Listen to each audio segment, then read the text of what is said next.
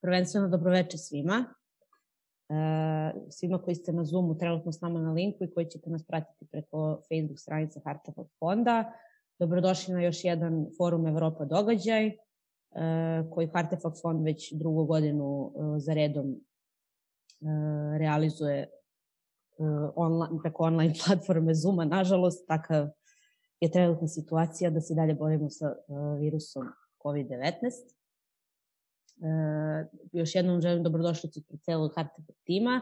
Ja sam Aleksandra, ja ću biti danas u ulozi e, neke vrste moderatora, da tako kažem. S tim u vezi imam da e, šerujem sa vama jednu prezentaciju kao uvod koja će ujedno predstaviti temu e, i predstaviti današnje gošće koje ćemo imati prilike da čujemo vrlo brzo. Kao što znate, naša današnja tema, današnjeg susreta, e, je ekološki problemi kao posticaj za regionalno udruživanje i saradnju. E, neka dva osnovna pitanja oko kojih e, ćemo danas više čuti, između ostalog i nekih drugih stvari, su pitanja koje vidite pred sobom, odnosno zašto u državama u regionu potrebno da se više razgovara o ekološkim problemima, kao i da li ekološki problemi mogu da podstaku regionalno udruživanje. To je nešto što hoćemo danas ovim razgovorom da istražimo. Da li ćemo doći do odgovora, ne znamo, ali vidjet ćemo do kraja događaja. E, sa nama su danas Milja Vuković, e, ovde možete videti njenu biografiju, ona je istoričarka umetnosti i ekološka aktivistkinja koja stoji iz inicijativa za manje smeća i više sreće, odnosno Zero and Low Waste Serbia i inicijative, inicijative Divlji Beograd. E, Milju inspiriše pitanje kako e, da kao zajednica stvaramo manje otpada i produbimo svoj odnos sa čudesnom prirodom. Dobrodošla Miljo, hvala ti što si danas sa nama. Pored Milje imamo sa nama danas i Jelena Ivanić. Jelena Ivanić je angažovana u Centru za životnu sredinu od 2015. godine u okviru programa Energija i klimatske promjene i aktivno se bori protiv izgradnje hidroelektrana na rijekama Bosne i Hercegovine. Koordinatorica je kampanje Sačuvajmo plavo srce Evrope u Bosni i Hercegovini, koju su pokrenule evropske organizacije Euronatur i River Watch u saradnji sa lokalnim partnerima podpredsjednica Centra za životnu sredinu. Hvala Jelena što si danas sa nama. Ja sam uh, ti malo prekratila materijal koji si mi ti poslala zato što mislim da će biti, izvini, ali mislim da će biti više priča o tome u daljem razgovoru. E, da nam prosto i objašnje šta, šta su ove kampanje kojima, koje si pomenula. Ja sam uh, želela za početak možda da krenemo sa nekom pričom o tome uh, zašto je Milji i Jeleni, zašto je vama bitno, uh, bitna ova tema koju danas razgovaramo i zašto uopšte ekološki problemi i problemi zagađenja životne sredine uh, su vas dovele da se bavite time čime se trenutno sada bavite i zašto je to vama e, lično važno. Možda Milja, ako ti hoćeš da krenu. Mm, ja sam počela da se bavim ovim pitanjima ne profesionalno, neko koristeći sobstvenu stručnost i profesiju koja ima veze sa komunikacijom i sa nečim što se zove storytelling ili pričanje priča, jer je to ono što sam ja radila profesionalno. Ja sam to u stvari iskoristila za nešto što je de facto u mom slučaju, e, izvinjavam se ako čujete moje papagaje, ovaj, za nešto što je u mom slučaju počelo kao građanski aktivizam, kao lična reakcija. Um, mislim da, da je, iako mi je odnos sa prirodom nešto što je sigurno važno ovaj, uh, dugo u životu i odavno iz detinstva, Mislim da ta jedna neverovatno intenziviranje toga je počelo pre nekih možda 5, 6, 7 godina. Ovaj, I mogu da kažem da je moj lično život potpuno preobrazilo. Nekako najbliže mi je da na ovo tvoje pitanje odgovorim tako što bih rekla da imam taj osjećaj urgentnosti situacije koji je učinio da učinim neke učinio da napravim neke korake u životu koji su u stvari dosta radikalni, ovaj, transformativni i jedan deo te promene i to da sam preorijentisala sobstveni život čak povremeno i ugrožavajući sobstvenu egzistenciju ovaj, na neki način, jer najveći deo ovoga što radim, radim volonterski. Ovaj, uh, znači, uh, jedan deo samo toga je to što ljudi vide od onoga što ja radim, ali promene su vezane za čitav moj život, za način kako razmišljam, kako osjećam i tako dalje. Ono što se vidi u, u, u javnom životu, to je moja aktivnost kroz inicijative koje si spomenula za manje smeće i više sreće, koje se bavi pre svega time kako da prevencijom stvaranja ovaj, otpada, nečim što se nekad zove zero waste život, cirkularna ekonomija, i kroz inicijativu Divlji Beograd, koja se bavi urbanim ekosistemima i time kako da transformišemo potpuno, ako je mogući način kako živimo u gradovima, jer ovaj nije održiv. Ovaj, a, tako da moj ulazak u ovo, dakle, nije iz pozicije obrazovanja, stručnosti, uhlebljenja, kako se to kaže, a, nego je zato što nešto u meni više nije pristalo na to da živi normalni život, a osjeća i vidi kolaps oko sebe, nego su se ti kapaciteti koje imam kao ljudsko biće su ovaj, stavljeni u službu. Koliko zajednice, naše ljudske zajednice, toliko i u službu tog mnogo većeg uh, živog sistema kojem pripadamo. Tako da ja se osjećam kao službenik. Milja Vuković službenica. Te vola bi da to mogu da stavim u ove biografije i opise. Eto, toliko od tog uh, ličnog i uvodnog. Hvala Miljo puno ovaj, što si ovo podelila sa nama. Uh, nekako inspirit, inspirativno, mislim, meni bar ovaj, na nekom mom ličnom nivou, verujem i drugima. Ove, ajde sada da čujemo kako, uh, kako je Jelena došla do ovog momenta u kom se sada nalazi kao podpredsednica Centra za životnu sredinu. E, za razliku od Milje, ja sam se obrazovala za ovo. U suštini sam e, završila ekologiju i zaštitu, zaštitu životne sredine, e, mada profesorski smjer, E, jedan sam čak period e, radila u školi i shvatila da jednostavno meni u tom nekom sistemu da se ja tu baš ne, sna, ne snalazim i da se ne vidim kao dio tog nekog rekla bih pogrešnog sistema jer mislim da naš ovaj školski sistem treba da pretrpi e, značajne promjene kako bi stvarno bio u funkciji današnjeg društva i građana i, i, i ono kako bi obrazovanje djece krenulo od samog početka u pravom smjeru.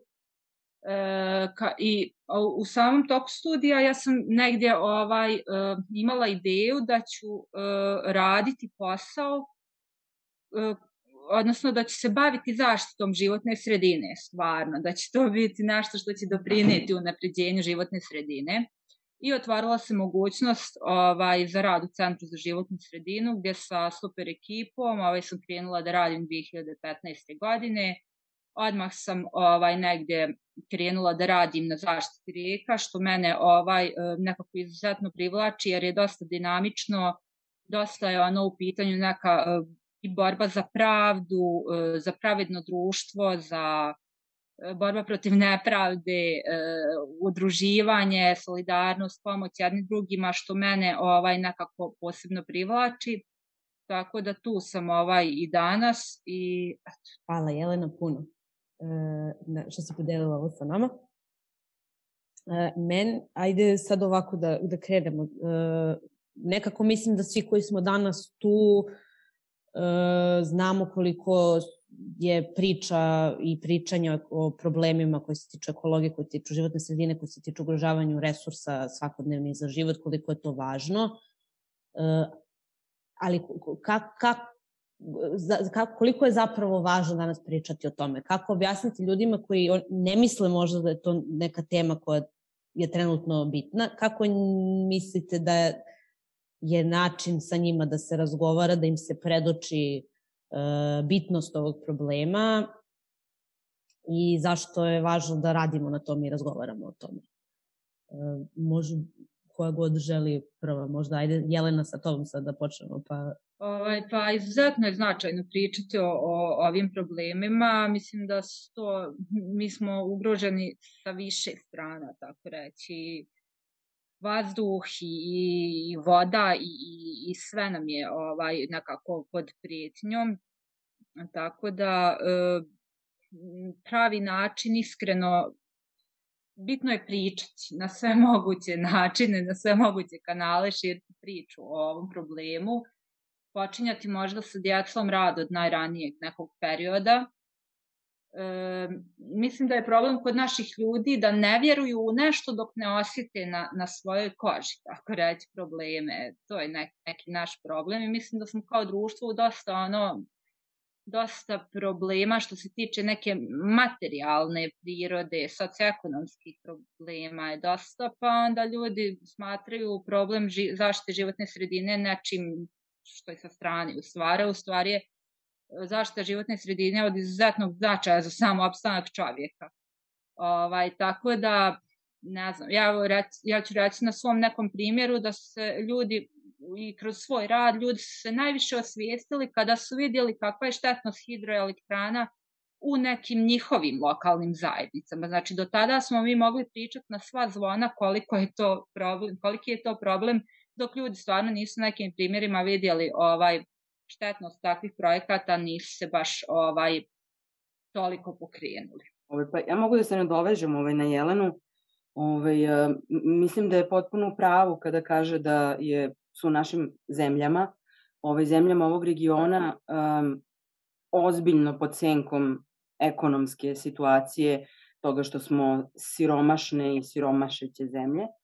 Ovaj, ali onda osjećamo nekako da onda uh, mi osjećamo kao da je za nas luksuz da razgovaramo o životnoj sredini. A upravo je obrnuto. Ja osjećam da bi pitanjem životne sredine trebalo da se bave um, obaveštena služba, vojska i tako dalje, zato što je ovo strateško odbrambeno pitanje u ovom trenutku. Znači to da li mi de facto, ne u nekoj budućnosti, nego sada imamo posledice toga što naš sistem ne funkcioniše dovoljno dobro, sistem koji mi plaćamo i koji je jedini koji mi imamo u ovom trenutku, to se zove državne institucije, ne funkcioniše dovoljno dobro i mi smo u stvari potpuno izloženi tom novoj vrsti ne znam da li je to neki kolonijalizam, osvajanje i tako dalje. Ja posmatram stvari, jer sam po obrazovanju istoričarku umetnosti, gledam kao društvene i, i isto, istorijske u stvari fenomene. Ono što ja vidim u ovom trenutku jeste da mi živimo jedan novi istorijski trenutak koji bih nazvala postdržavni. Mi svi još uvek na planeti, ne samo u našem regionu, imamo države, ali vrlo jasno osjećamo da države u stvari više ne rade za nas iako ih mi plaćamo, da ne rade u našem interesu. I kada kažem ovu rečenicu u razgovoru s ljudima kao što ste vas dve sada počinite klimate glavama, klimate glavom jer mi svi to osjećamo. To osjećaju i braći Amerikanci, i Finci, i Francuzi. To nije samo kod nas. Tako da ovaj, meni se čini da smo mi u stvari, da su Amerikanci u opasnosti, ali da smo mi verovatno u još većoj opasnosti zbog tog što smo siromašno društvo, zbog toga što nam ljudi odlaze, zbog, zbog krize, koji, mislim zbog raznih stvari. Tako da se meni čini da u stvari mi moramo još jače da se borimo za to, da ne dođemo u situaciju u kojoj su već države poput Konga i tako dalje, gde neki e, distopijski scenariji već postoje i ljudi ih već žive i to je kao pakao na planeti Zemlji. Kada je pitanje komunikacije, koje je ovo inicijalno pitanje koje je Aleksandra postavila, ovaj, meni je to nekako ključno pitanje kojem se stalno vraćam i koje me jako interesuje i čini mi se, evo, izdvojila bih dve stvari. Jedno je da um, neko ko ne želi da čuje ili ne može da čuje zato što u ovom trenutku stvarno ima, mislim, jednostavno ima zapušeni njegov, njegov život ne može da misli i o vodi i vazduhu ako on nema hleb. Znači, ja mislim da, da je nepristojno ulaziti i forsirati ove teme Znači, treba slušati. Mislim da sagovornika treba slušati. To je jedini način kako bilo koji razgovor može da se vodi. Tako da ne mislim da postoji bilo kakav uh, uh, uspeh da je, da je zaista moguć ako forsiramo određene teme u društvu. A ako ne postoji osluškivanje zajednice i obraćanje konkretno ljudima sa kojima se govori u tom trenutku. Tako mislim da je slušanje strašno važna stvar. I druga stvar koju, koju ja vidim iz ovog iskustva koje imamo o ekološkoj komunikaciji, to je činjenica da, i to se opet ne odnosi samo na naše ljude regionalno, da mi ne reagujemo na, mada je spomenula Jelena nešto toga, da mi ne reagujemo na neke racionalne podatke. Ja neke podatke kada čujem, meni se čini da, da oni dovoljno govore o tome šta se dešava, koliko je ozbiljna situacija, koliko je jedna velika promena e, društvena načina kako živimo neophodna, ali ja vidim da te reakcije nema. Tako da ja se u stvari onda pitam, uh, uh, odnosno meni se čini da je neophodno da ljudi budu dirnuti. Da, da dok ne postoji, da, da racionalni podatak, statistika ima samo donekle efekat. Ali ona čak može da ima obrnut efekat, da ljudi kada čuju te neke strašne brojke, nešto u njima se samo zatvori, jer jednostavno ne mogu da čuju još jedan zabrinjavajući podatak. I onda je meni pitanje kako u kontaktu sa ljudima doći do tog mesta gde nešto u čoveku može da bude dirnuto time. E, kad se kaže dirnuto, to znači animirano, pokrenuto. To znači da će taj razgovor doprineti da taj neko se onda može da dela po tom pitanju. Znači da zaista se nešto transformativno desi što ostaje kao neka vrsta um, uh, nečeg kapitala, ali energetsko, kako bih rekla, kapitala s kojim taj čovek raspolaže. Da je taj čovek podstaknut, osnažen, uh, da, da krene u pravcu neke promene u svom životu i u životu zajednice. Um, kao što je Jelena rekla, ja, imam, ja to nosim kao pitanje i stalno grebem i tražim načine za to, ali ovaj, ne bih rekla da postoji neki kao, evo, ovako ćete dirnuti ljude, ovaj, nego više kao neki, neka težnja, ne, nešto ka čemu se ide. E, hvala na odgovorima. A sad, Milju, dok si ti pričala o ovome, uh, palo mi je na pamet, uh, palo mi na pamet, nekako, uh, ni, sve vreme uh, mi se čini da je tu neki narativ, e, da li, da li je e, ekološki problem nešto što treba da rešava pojedinac svako za sebe ili je, su to neš, nešto što mora da dođe jeli, sa vrha, da li države, da li nekog vladajućeg tela koje god. Pa ka, kako vi vidite uh, tu sprezu? Da li ona treba zapravo s obe strane da krene ili sa jedne pa vuče ka drugoj? Kako, kako mislite da, ta, da ta, to rešavanje tih problema treba da izgleda? Pa evo, mogu ja da kažem da ja se često susrećem sa tim pitanjem. Često se susrećem sa kritikom tog e, individualnog pristupa u kome se očekuje od pojedinaca da naprave ogromne promene i tako dalje. Ja mislim da je to važno pitanje, ali uh, istovremeno mislim da uh, ko ima kapaciteta da se obrati bilo kom delu tog problema, slobodno samo napred, ono puna podrška. Znači, ako neko ima kapaciteta, afiniteta, da uđe u promenu zakona tamo gde je to potrebno. Ono, hvala u ime svih nas, ovaj, odlično.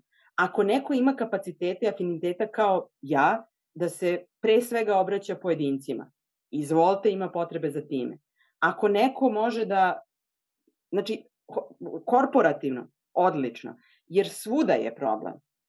Ono što ja mislim i ka čemu ja naginjem, a to su sad lično kako ko vidi, meni se čini da pojedinac koji nije ličnom promenom platio, ličnom transformacijom, platio taj ulazak u razgovor i traženje promene, ne može da traži tu promenu jer mi se onda čini da tražimo promenu od drugog, da, po, da promena počne od nekog drugog, a ne od mene. E, ljudi često kažu, nema ništa, nema to da država ne razreže kazne i nema, nema, mi smo takav. Mislim, to stalno se ponavlja. Ali meni je to nešto infantilno, nešto što želi da bude kažnjeno da bi činilo dobro. Ove, e, tako da ja mislim da i ta osoba koja radi, koja je državni službenik, da bi sprovodila i pravila tu promenu ka kojoj želimo da idemo i ta osoba mora da bude lično transformisana. Mislim da iz mog iskustva nisam jedina, svaka promena koju sam želela da napravim na sebi, u sebi, morala sam da je platim radom. To, to nije jednostavno. Tako da meni se čini da, da, da početi od sebe, bilo da ste korporacija. Meni se, na primjer, obratila pre dva, tri dana neka korporacija da žele neki edukativni program da daju svojim službenicima.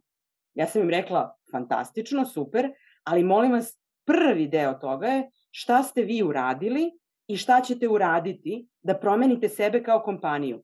Onda možete da, da kažem, držite lekcije vašim zaposlenima, šta oni treba da uradi, da nabijate tu krivicu i tako dalje. Tako da eto, ovaj, um, mislim da je važno pitanje, ono do mene često ovaj, dolazi, ovaj, ali da, kao što si ti rekla, da sa svih strana može da se to napada. Jelena, da li tebe pitaju takve pitanja? kao što Milju verujem, pitaju. Ne, ne, ne, baš. mislim, bavimo se nekako različitim stvarima, pa mi je ovaj, mislim, logičnije da, da mi pitaju.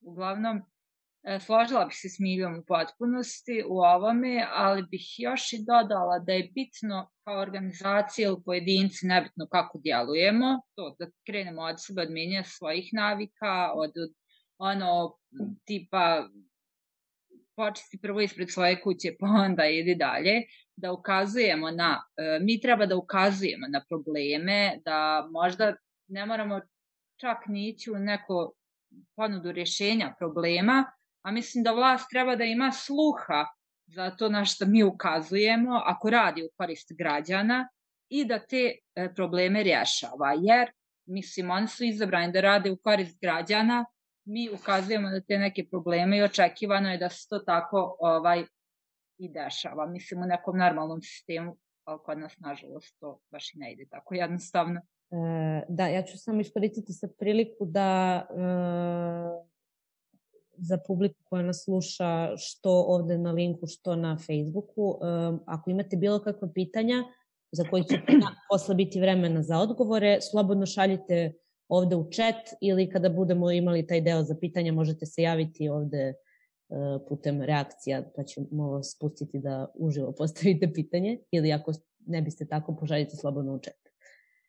E, šta sam, da, kad smo već kod država i vlasti, htela sam da pitam, s obzirom da Milja živi u Srbiji, a Jelena u Bosni i Hercegovini, kako trenutno u, u obe države iz vaših iskustava izgleda bavljenje uopšte e, ekologijom od strane institucija koje su za to zadužene? Jel tu se nešto dešava? Da li, mislim, jel postoje neka, neke akcije, neke inicijative, nešto, da, da li se nešto radi po tom pitanju u bilo kakvom obliku ili se ne radi ništa ili se zapravo radi nešto što možda čak i baš nije u korist e, dobrobiti tih država. Evo ja ću krenuti ovog puta.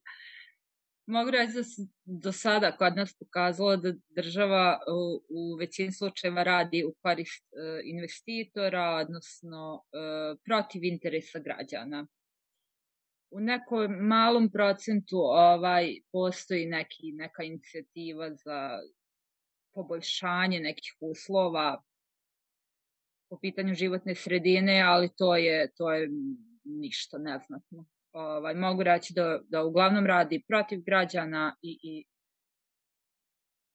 u korist investitora.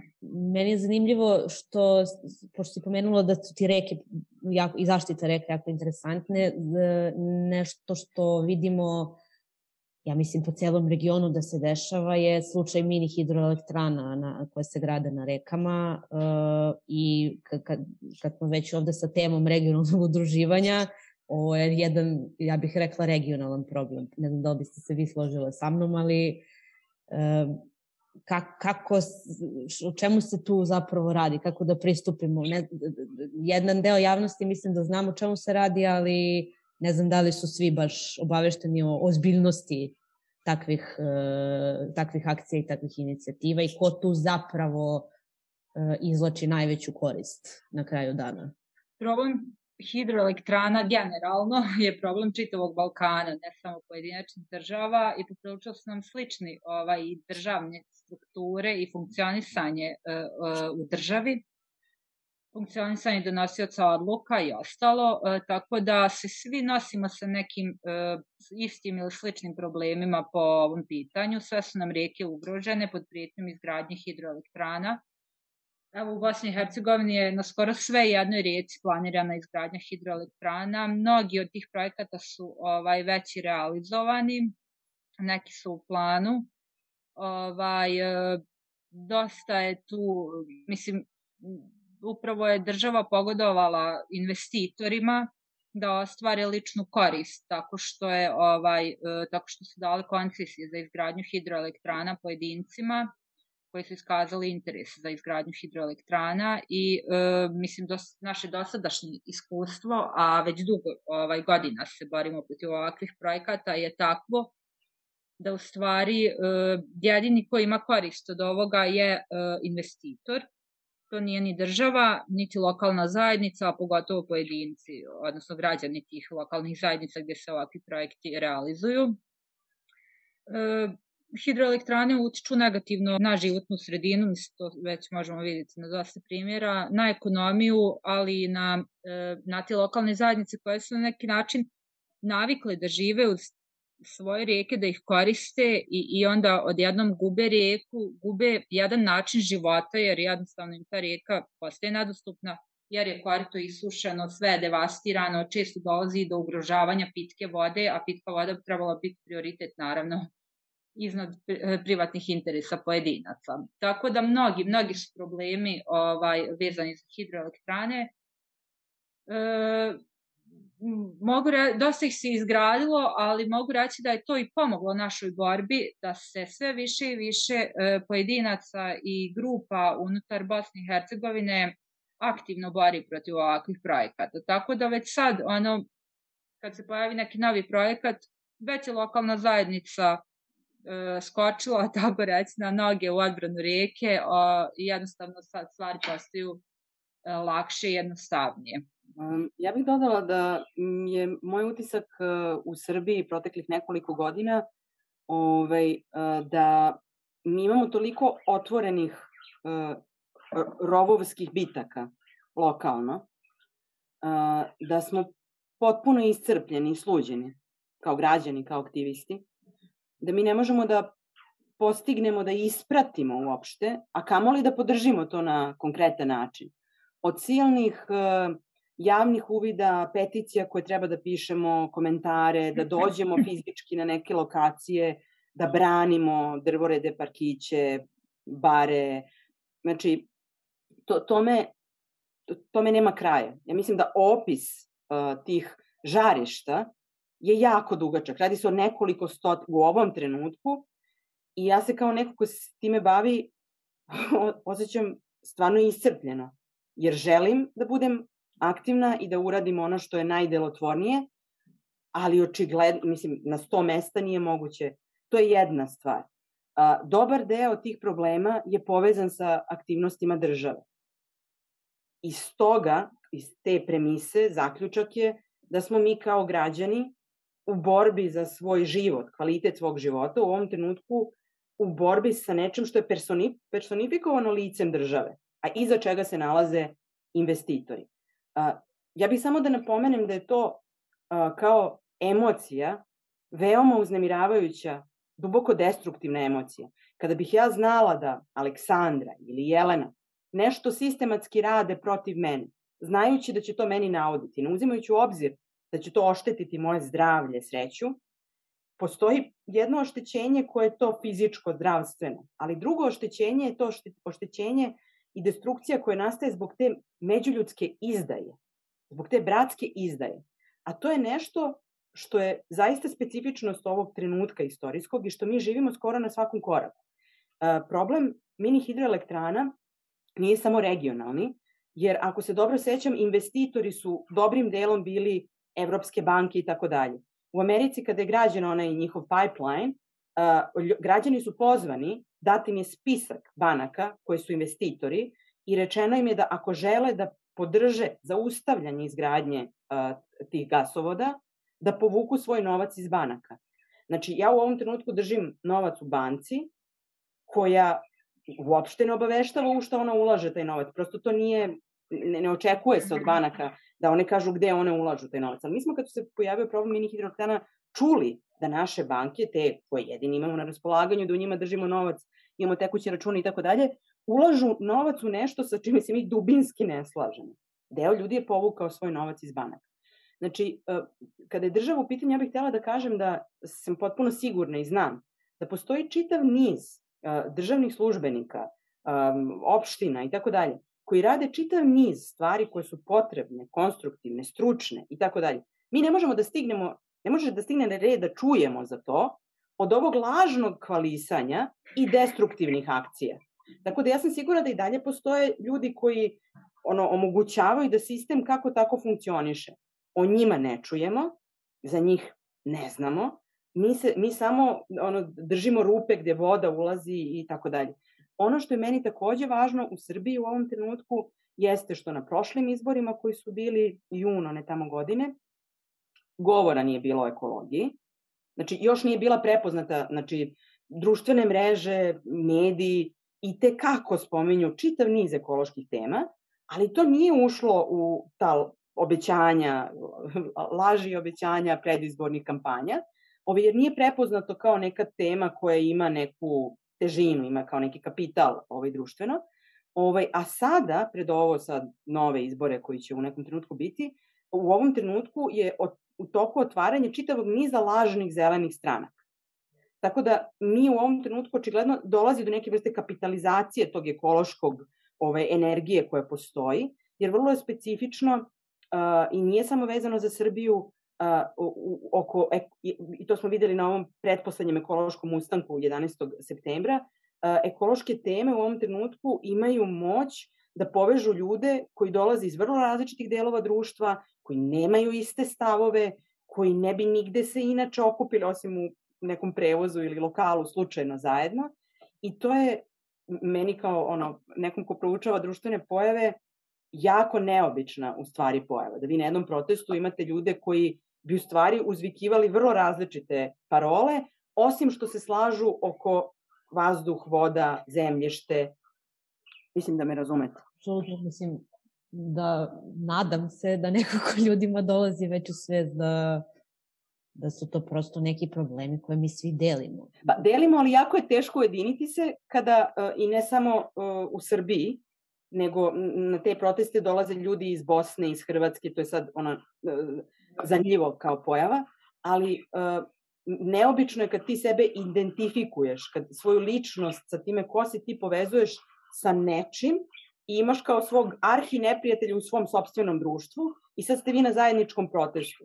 Pa se tu onda desilo da na protestu imamo da je neko sa šajkačom otpevao u jako neobičnim starinskim srednjevekovnim harmonijama jednu pravoslavnu molitvu, a onda je izašao orkestar da otpeva Rundekovu Aj Karmelu. Mislim, u kom, koji, ko je to moglo da napiše, gde, gde je to moglo da se desi. I to je sledilo jedno za drugim. Znači, ti ljudi nikada se ne bi ukrstili na istoj bini ili, kako da kažem, i to nisu jednostavne stvari. Nije lako ujediniti nešto što je iz delova, mislim, evo, to sad imamo priliku da, da, da se uverimo u to kao zajednica i da se nosimo sa time kako možemo, jer bilo bi jako lepo da, mo, da može da dođe do ujedinjenja, ali to nije jednostavno, ni u braku, ni u prijateljstvu, pa ni u ekološkom protestu. Naravno, mora da postoji neka vrsta kompromisa i dogovora. Pretpostavljam da bi se došlo do zajedničkog cilja.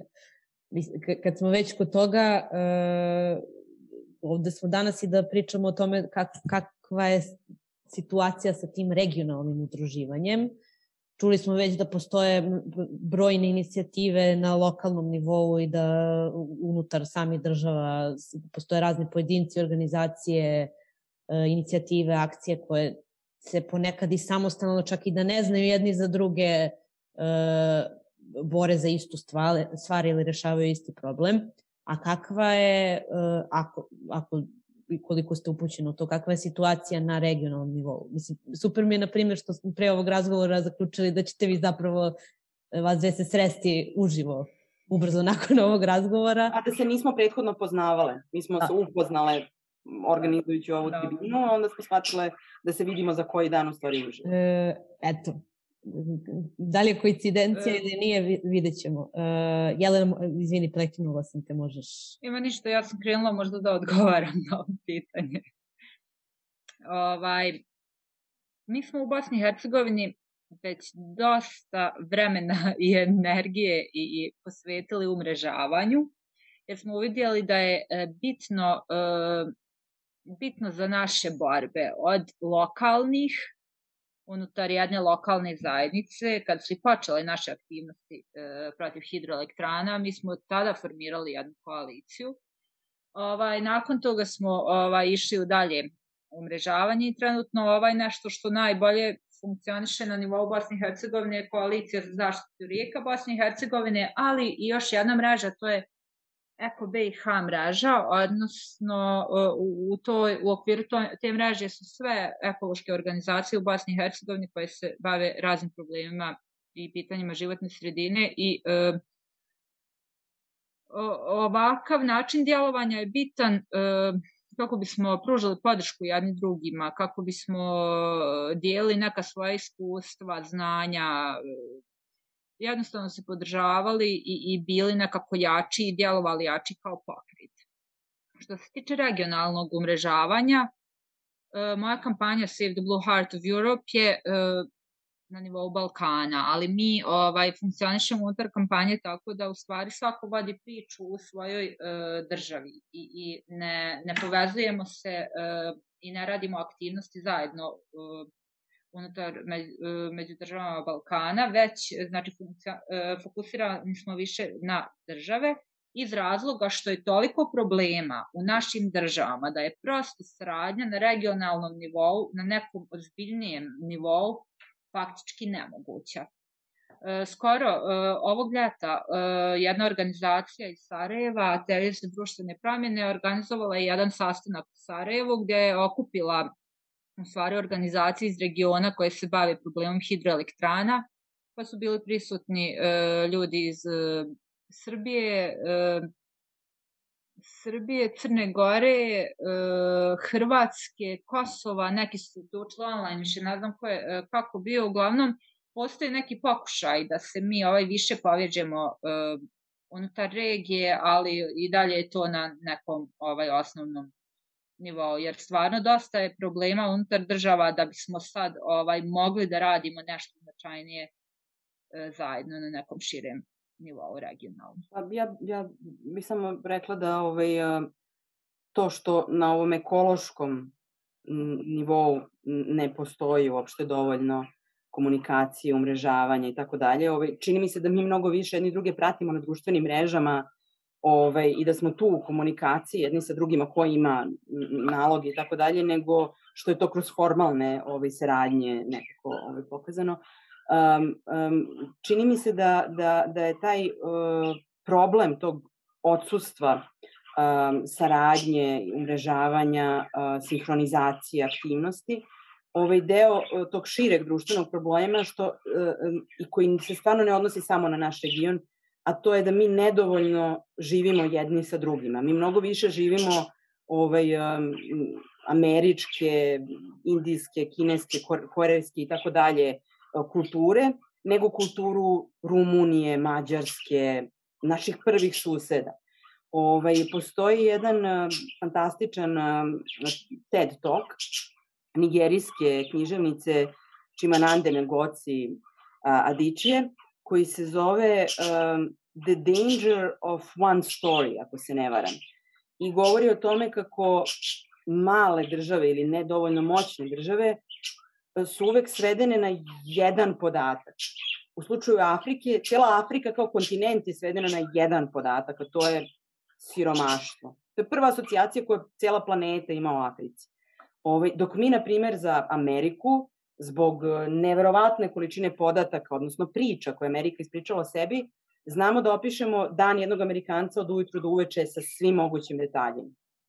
Ovaj, tako da ja vidim ovaj problem kao deo tog šireg društvenog problema, da mi nedovoljno delimo kulturu jedno sa drugima, da nedovoljno delimo uh, ekološke probleme ni sa drugim, da nedovoljno, na, na svim poljima, stručnost, znači naši stručnjaci će se sresti negde u na nekoj konferenciji, ne znam gde, ali ne, ne, manje će biti tih regionalnih okupljanja. Tako da mislim da tu plaćamo ovaj, uh, tu cenu, ovaj, nažalost.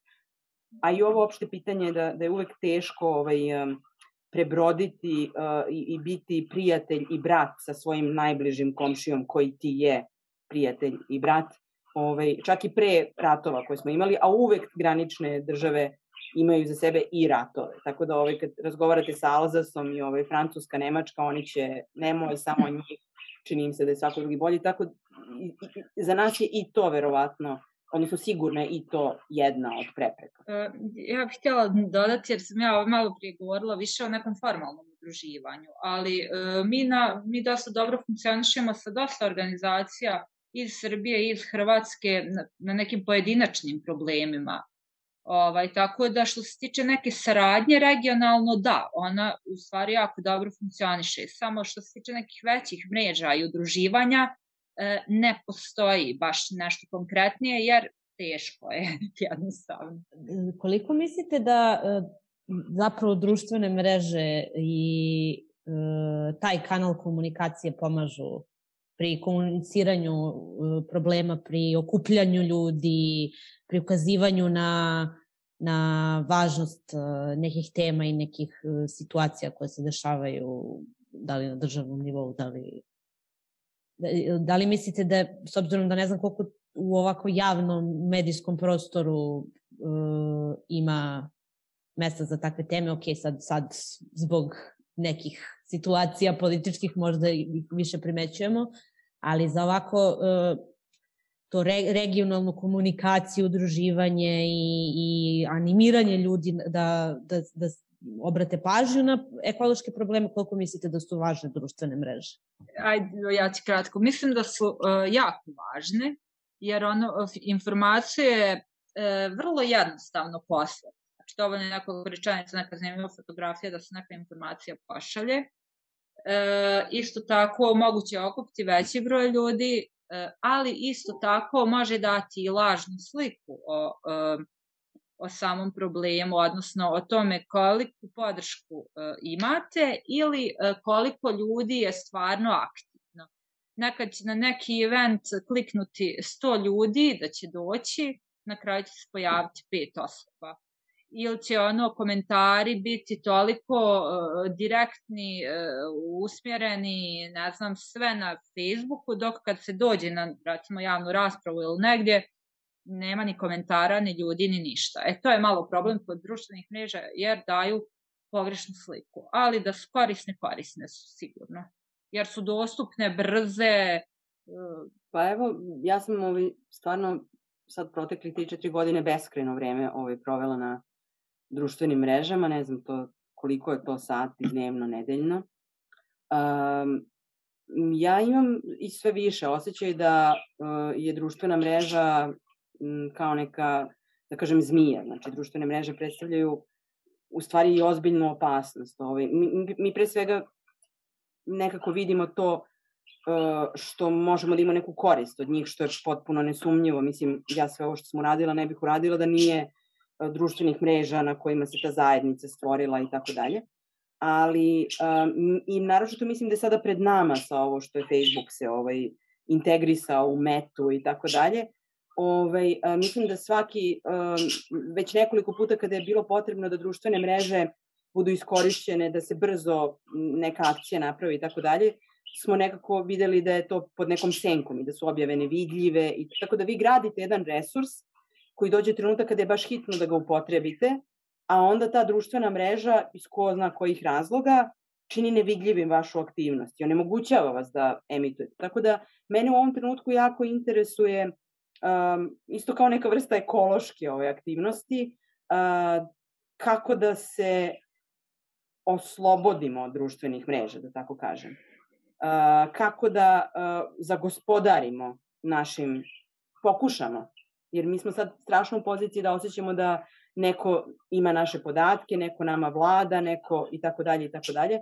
Vrlo jedna onako pot, potlačena ovaj pozicija. Ovaj, je, je, Jelena je rekla koliko su korisne. Mislim, one su jednostavno potpuno prožele naš život. Sad je strašno puno toga na, na svim mogućim ovaj, društvenim mrežama, od Instagrama, Facebooka, sad TikToka koji ono žari i pali. Ovaj, ali ja ovaj, stvarno ovaj, u rukavicama i pritom razmišljam o tome šta je ono što inženjeri zovu uh, exit strategy. Znači šta mi kao zajednica imamo i treba da gajimo i negujemo, a to su naši direktni međuljudski odnosi, naše ono subtilno poznavanje ljudi sa kojima radimo, našeg tima, ovaj, šireg, bližeg i tako dalje, koje je mnogo ovaj, nešto na što stvari možeš da, da se osloniš, pogotovo ako se ovaj zloupotrebe društvenih mreža, mreža nastave da se poštravaju, za šta imamo naznake, već i dokaze i primere, a i naznake da će možda to ići dalje u tom pravcu. Tako da... Oprezno sa društvenim mrežama. Možemo to da izvučemo kao zaključak. Uh, mislim da smo došli otprilike do vremena za, za pitanja iz um, publike. Imali smo umeđu vremenu jedan komentar uh, koji nam je Slobodan ostavio, koji kaže da je problem umrežavanja ekoloških aktivista i pokreta E, da je problem administriranja od uključivanja donošenja odluka konkretnih akcija. E, ako mo, želite, možete prokomentarisati, ali ako će Sloboda nešto e, više o tome da kaže. Ja bih vas pozdravio sve i ovaj, da kažem, zanimljiva tema, ovaj, neko moje iskustvo, ovaj, već sam u civilnom sektoru nekih 15 godina i da kažem ova tema ekološkog aktivizma negde se postavila ne samo za, za aktiviste koji su u civilnom društvu, nego uopšte za, za, za veliki broj građana, ovaj, o čemu govore brojni ti primjeri, počeo od mini hidroelektrana, zagađenog vazduha, vode i tako dalje.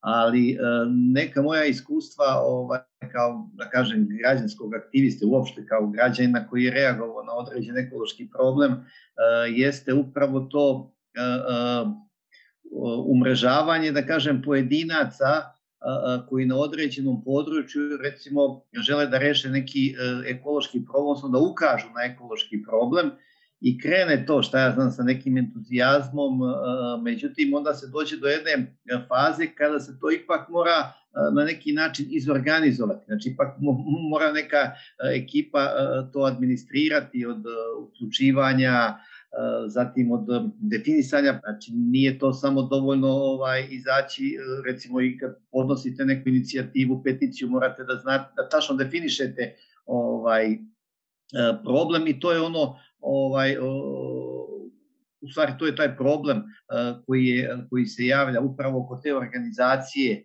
tog aktivizma u nekom periodu kada prosto ta faza to ovaj zahteva. I to je ono što ovaj negde kažem je neka slaba tačka ovaj čitavog čitave te priče vezano za određene reakcije na, na, na ekološke probleme u zajednici. A, a i ti veliki konglomerati i levih i desnih i obrazovanih, neobrazovanih, nebitno na školsku spremu, e, sve to ovaj e, veoma, znači nije nije to jednostavno ovaj ni, ni tako lako e, administrirati i upravljati tim čitavim ovaj sad da li to potreba nekada za stvaranje stvarno nekih kvalitetnih ekoloških partija koje mi ovde nemamo. To te ti zeleni su više u nekim pokušajima ali e, na ovim prostorima e, do sada stvarno se nije nije formirala e, jedna, da kažem, koliko toliko pristojna ekološka partija koja bi mogla jače da zagovara ovaj, kroz institucije sistema na te promene koje bi dovele do, do, do povećane zaštite životne sredine. Eto, toliko. To je jedan komentar i ovako kao eto i pitanje da li se sad slažu koleginice koje su, koliko vidim, dosta aktivne u oblasti zaštite životne sredine. Hvala vam, Slobodane, puno na ovom komentaru i na pitanju što ste pratili današnji razgovor. E, da li Milja i Jelena imaju nešto da dodaju ili odgovore na pitanje? Pa, jako je puno toga što je e, nabrojao Slobodan, pa ovo što je pitanje bilo da li se slažemo, je malo nezgodno da govorim da slažem se, a čovjek je stvarno svašta rekao, ali mislim da je ovo osnovno što je navedeno i u komentaru, nešto što je zdravorazumski ovaj, primetiti da je to jedan od problema koji postoji. Jelena, si tela nešto da kažeš, pa sam te prekinula, izvini. Da, mogla bih ovaj, ja da potvrdim isto, mislim, isto se referisati na komentar ovo, ali isto tako je potrebno to administriranje i određivanje na koji način se uključuju ljudi, na koji način se donose odluke, kako bi se izbjeglo da se taj pokret nekako ovaj, e, okarakteriše na jedan način u slučaju da u taj pokret dođe neko ko nije dobrodošao ili ko bi mogao pogrešno da ga predstavlja. Pa mislim, to da je problem sa kojima se ovaj, definitivno suočavam. Pa ja bih dao samo još jedan komentar na, vezano za te izdaje. Ovaj, Pa znate kako ja znam, puno puta se krene, međutim i ljudi koji su kao obećavali da, međutim posle, ali ne treba ni zameriti ljudima ako se plaše. Na kraju krajeva ne morate ni, vi ni biti aktivista ekološki ili bilo koji ako to ne želite ili ako niste spremni. Znači to je sve stvar izbora ličnog, ali ono što ja kažem uvek ljudima, recite onda, upravo to je priča o administriranju, recite na početku šta očekujete i dokle možete da ide. Neko će ići, ne znam, da nosi transparent, neko analizu, ne znamo.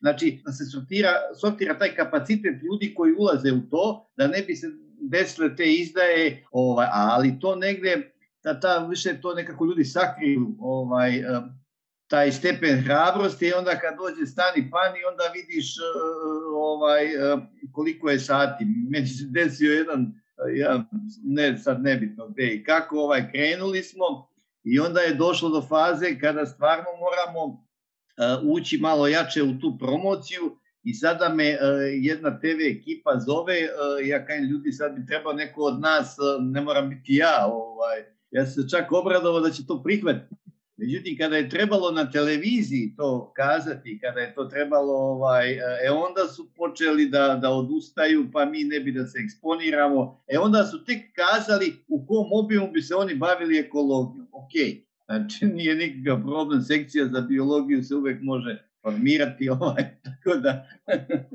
nije, nije nikakav ovaj problem. Eto, to, to, su ti, to su te neke stvari, da kažem, neke slabe tačke ovaj tog ekološkog aktivizma o kojima ovaj, e, sa kojima sam se ja susretao.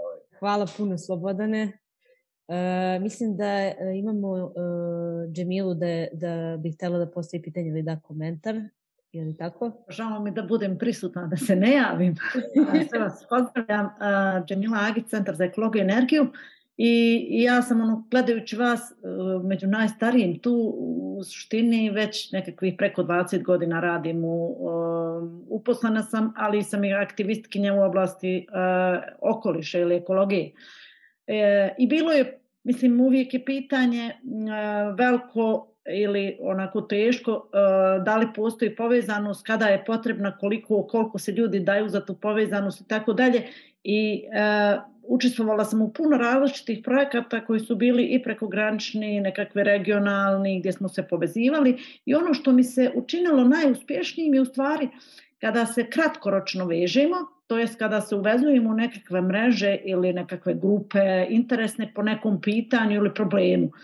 Jer kada imamo velike ambicije, kao što puno smo različitih mreža i na BH nivou gradili, ali i na nivou Balkana, bude, bude i onda se nekako prezasitimo, povuku nas neke druge obaveze i onda napuštamo i odlazimo i gubi se sve to. Međutim, kada se vežemo po pitanju rješavanja nekog problema koji je recimo aktuelan, zajednički, važan, meni se činilo da uvijek imamo uspješniju, uspješniju saradnju jer se vezamo za određeni rok. Recimo, pitanje kampanja prošle godine je bila jedna koja je bila regionalna po pitanju zagađenja zraka gdje smo definisali koliko dugo ćemo svi zajedno raditi, po kojim, u kojem cilju, šta ćemo odrađivati i tako dalje i bilo je uspješno. Ali nekako kada se vežemo sa ciljem da, da riješimo ekološku situaciju koja je komplikovana i čija, koja borba će trajati narednih 10, 20, 30 godina, da čisto sumnjam da će naše generacije rješavati, riješiti to, nekako se pogubimo i prepadnemo, tako da ovaj e, desi se da odustajemo, da imamo pogrešno očekivanje i tako dalje. Tako da meni se učinilo da su tematske mreže ili veze nekakve bile najbolje. Miljo, ako nisam pogrešila, ti si e, podigla... Jeste lakše nekako kad imamo nešto konkretno ovaj, i što ima rokove i što vidimo tačno o, ovako, ovaj, kad je to neki oblak e, raznih problema koji se javljaju, ovaj, i logično je da ne uspevamo da napravimo tu integraciju neku. Ove, I da su možda ti projekti, meni je zanimljivo, ja sam trenutno deo dva projekta koje su na mediteranskom nivou, da tako kažem. I, uh, I čini mi se da je možda korisno i za ovaj razgovor. Uh, mi često na ovim prostorima našim uh, govorimo o problemima kod nas, misleći da smo najgori. I tako nekako započinjemo i te rečenice i tako dalje. A ovi, meni je ovde sad zanimljivo, neki Portugalac je nešto govorio i rekao je, vi to verovatno ne razumete, ali kod nas u Portugalu to vam je, i mi svi koji gledamo kao, kako da te ne razumemo, brate, prijatelju. I onda samo osetiš to kako svi mi u našim zemljama, ili ne znam, pričala sam sa jednom ženom koja se bavi u Sloveniji, ona je rekla, ne, ne, kod vas u Srbiji vi ste mnogo bolji od nas, kako, kako, kako to misliš, stani, ne razumem. Ona ima neku percepciju da je nešto u Srbiji bolje nego u Sloveniji. Ne znam, a mi gledamo u Sloveniju kao uzor za... Hoću da kažem da, da, da, je, da mi se čini da je jako važno i da je to neka vrsta a, pojave koja je vezana za ovu epohu, da mnogi narodi a, imaju jako loše mišljenje same o sebi.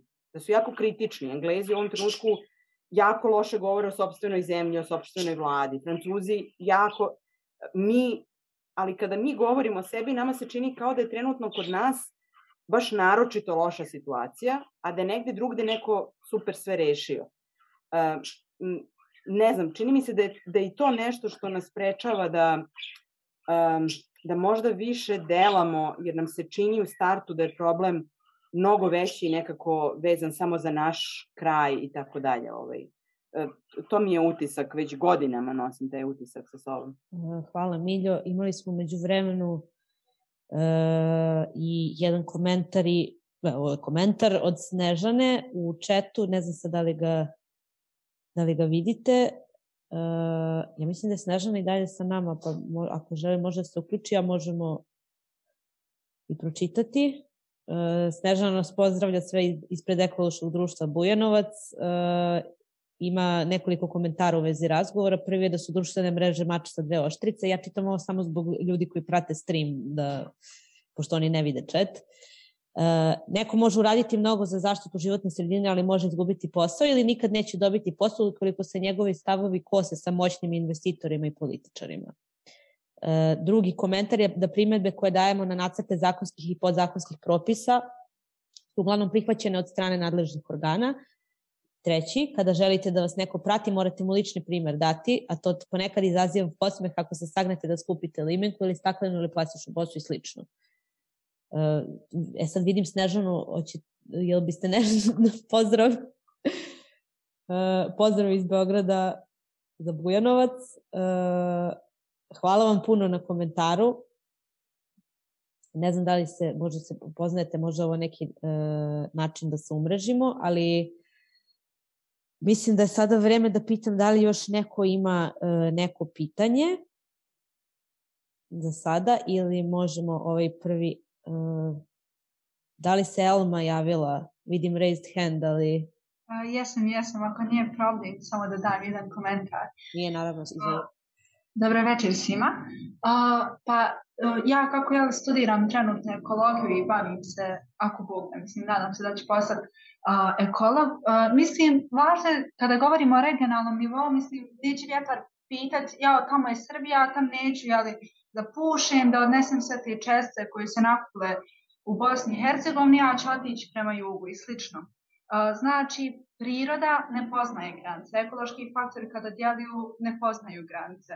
Znači, jednostavno, ja mislim da treba da prestanimo da razmišljamo o samom tome, ok, ovo je Srbija, ovo je Hrvatska, ovo je Bosna i Hercegovina i sad će svako nekako da se stalno ograđimo. Mi moramo da djelujemo svi zajedno. Znači, tu nema granica kad je priroda u pitanju, jer mi nju i moramo da prestanemo sebe staviti u taj neki, da budemo antropocentrični, odnosno sve, kako to ima utjecaj na nas. Na primjer, kada govorimo o hidroelektranama, mi govorimo joj kako te hidroelektrane, mini hidroelektrane štete i nama kao ljudima. Mi moramo da razmišljamo i o životinjama koje žive u vodi, moramo da razmišljamo o biljkama koje tu rastu, kojima je takođe potrebna voda.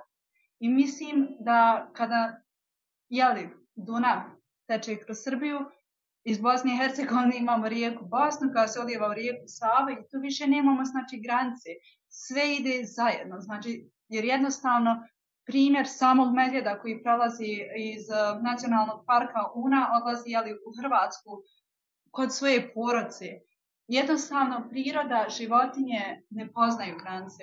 Jednostavno moramo da se stavimo, uh, da prestanemo biti, uh, stavljati svoj ego, nego moramo jednostavno, kao što je, ne znam da li znate za primjer crnog trokuta, um, to je primjer Njemačka, Poljska i Čehoslovačka.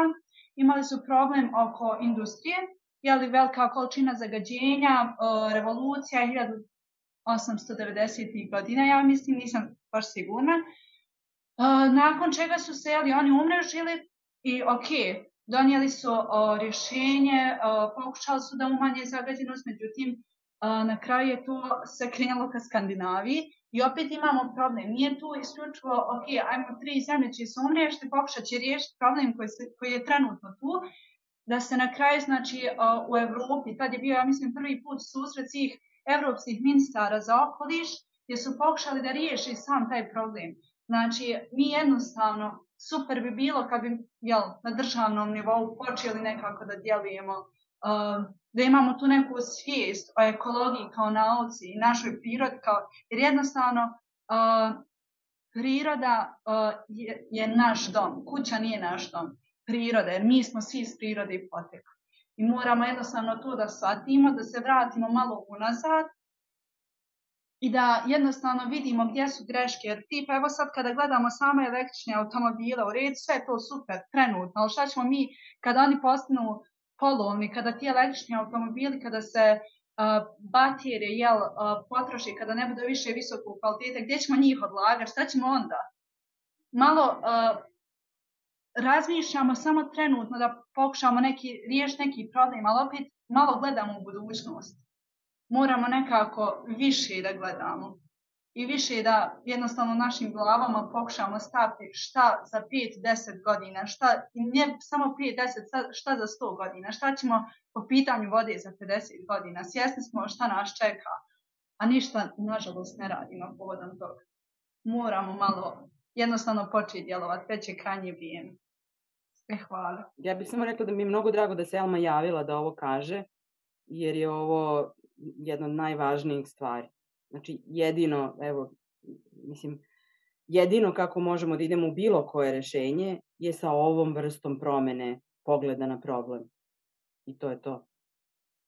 Jednostavno zvuči, ali još da ga uradimo. Hvala Elmi puno što se, mislim i hvala još što je podela svoju zabrinutost sa nama koju mislim da nekako svi manje više delimo, ali istovremeno nekako bilo vrlo inspirativno da ako sam dobro shvatila, Elma, Elma studira trenutno, da, je, da mladi ljudi razmišljaju na taj način, pa valjda ima neke, neke nade. Aha, evo, ima, kaže Vanja, ima još zabrinuti studenta, nemaju mikrofon. Nadam se da nećemo još dugo biti svi zabrinuti. E, ovim bih zatvorila ovaj prvi deo događaja. E, hvala svima na, e, na pitanjima i na diskusiji. Mislim da je vrlo nekako smo imali neku razmenu mišljenja koja je bila važna i kvalitetna. E, zahvaljujem se još jednom.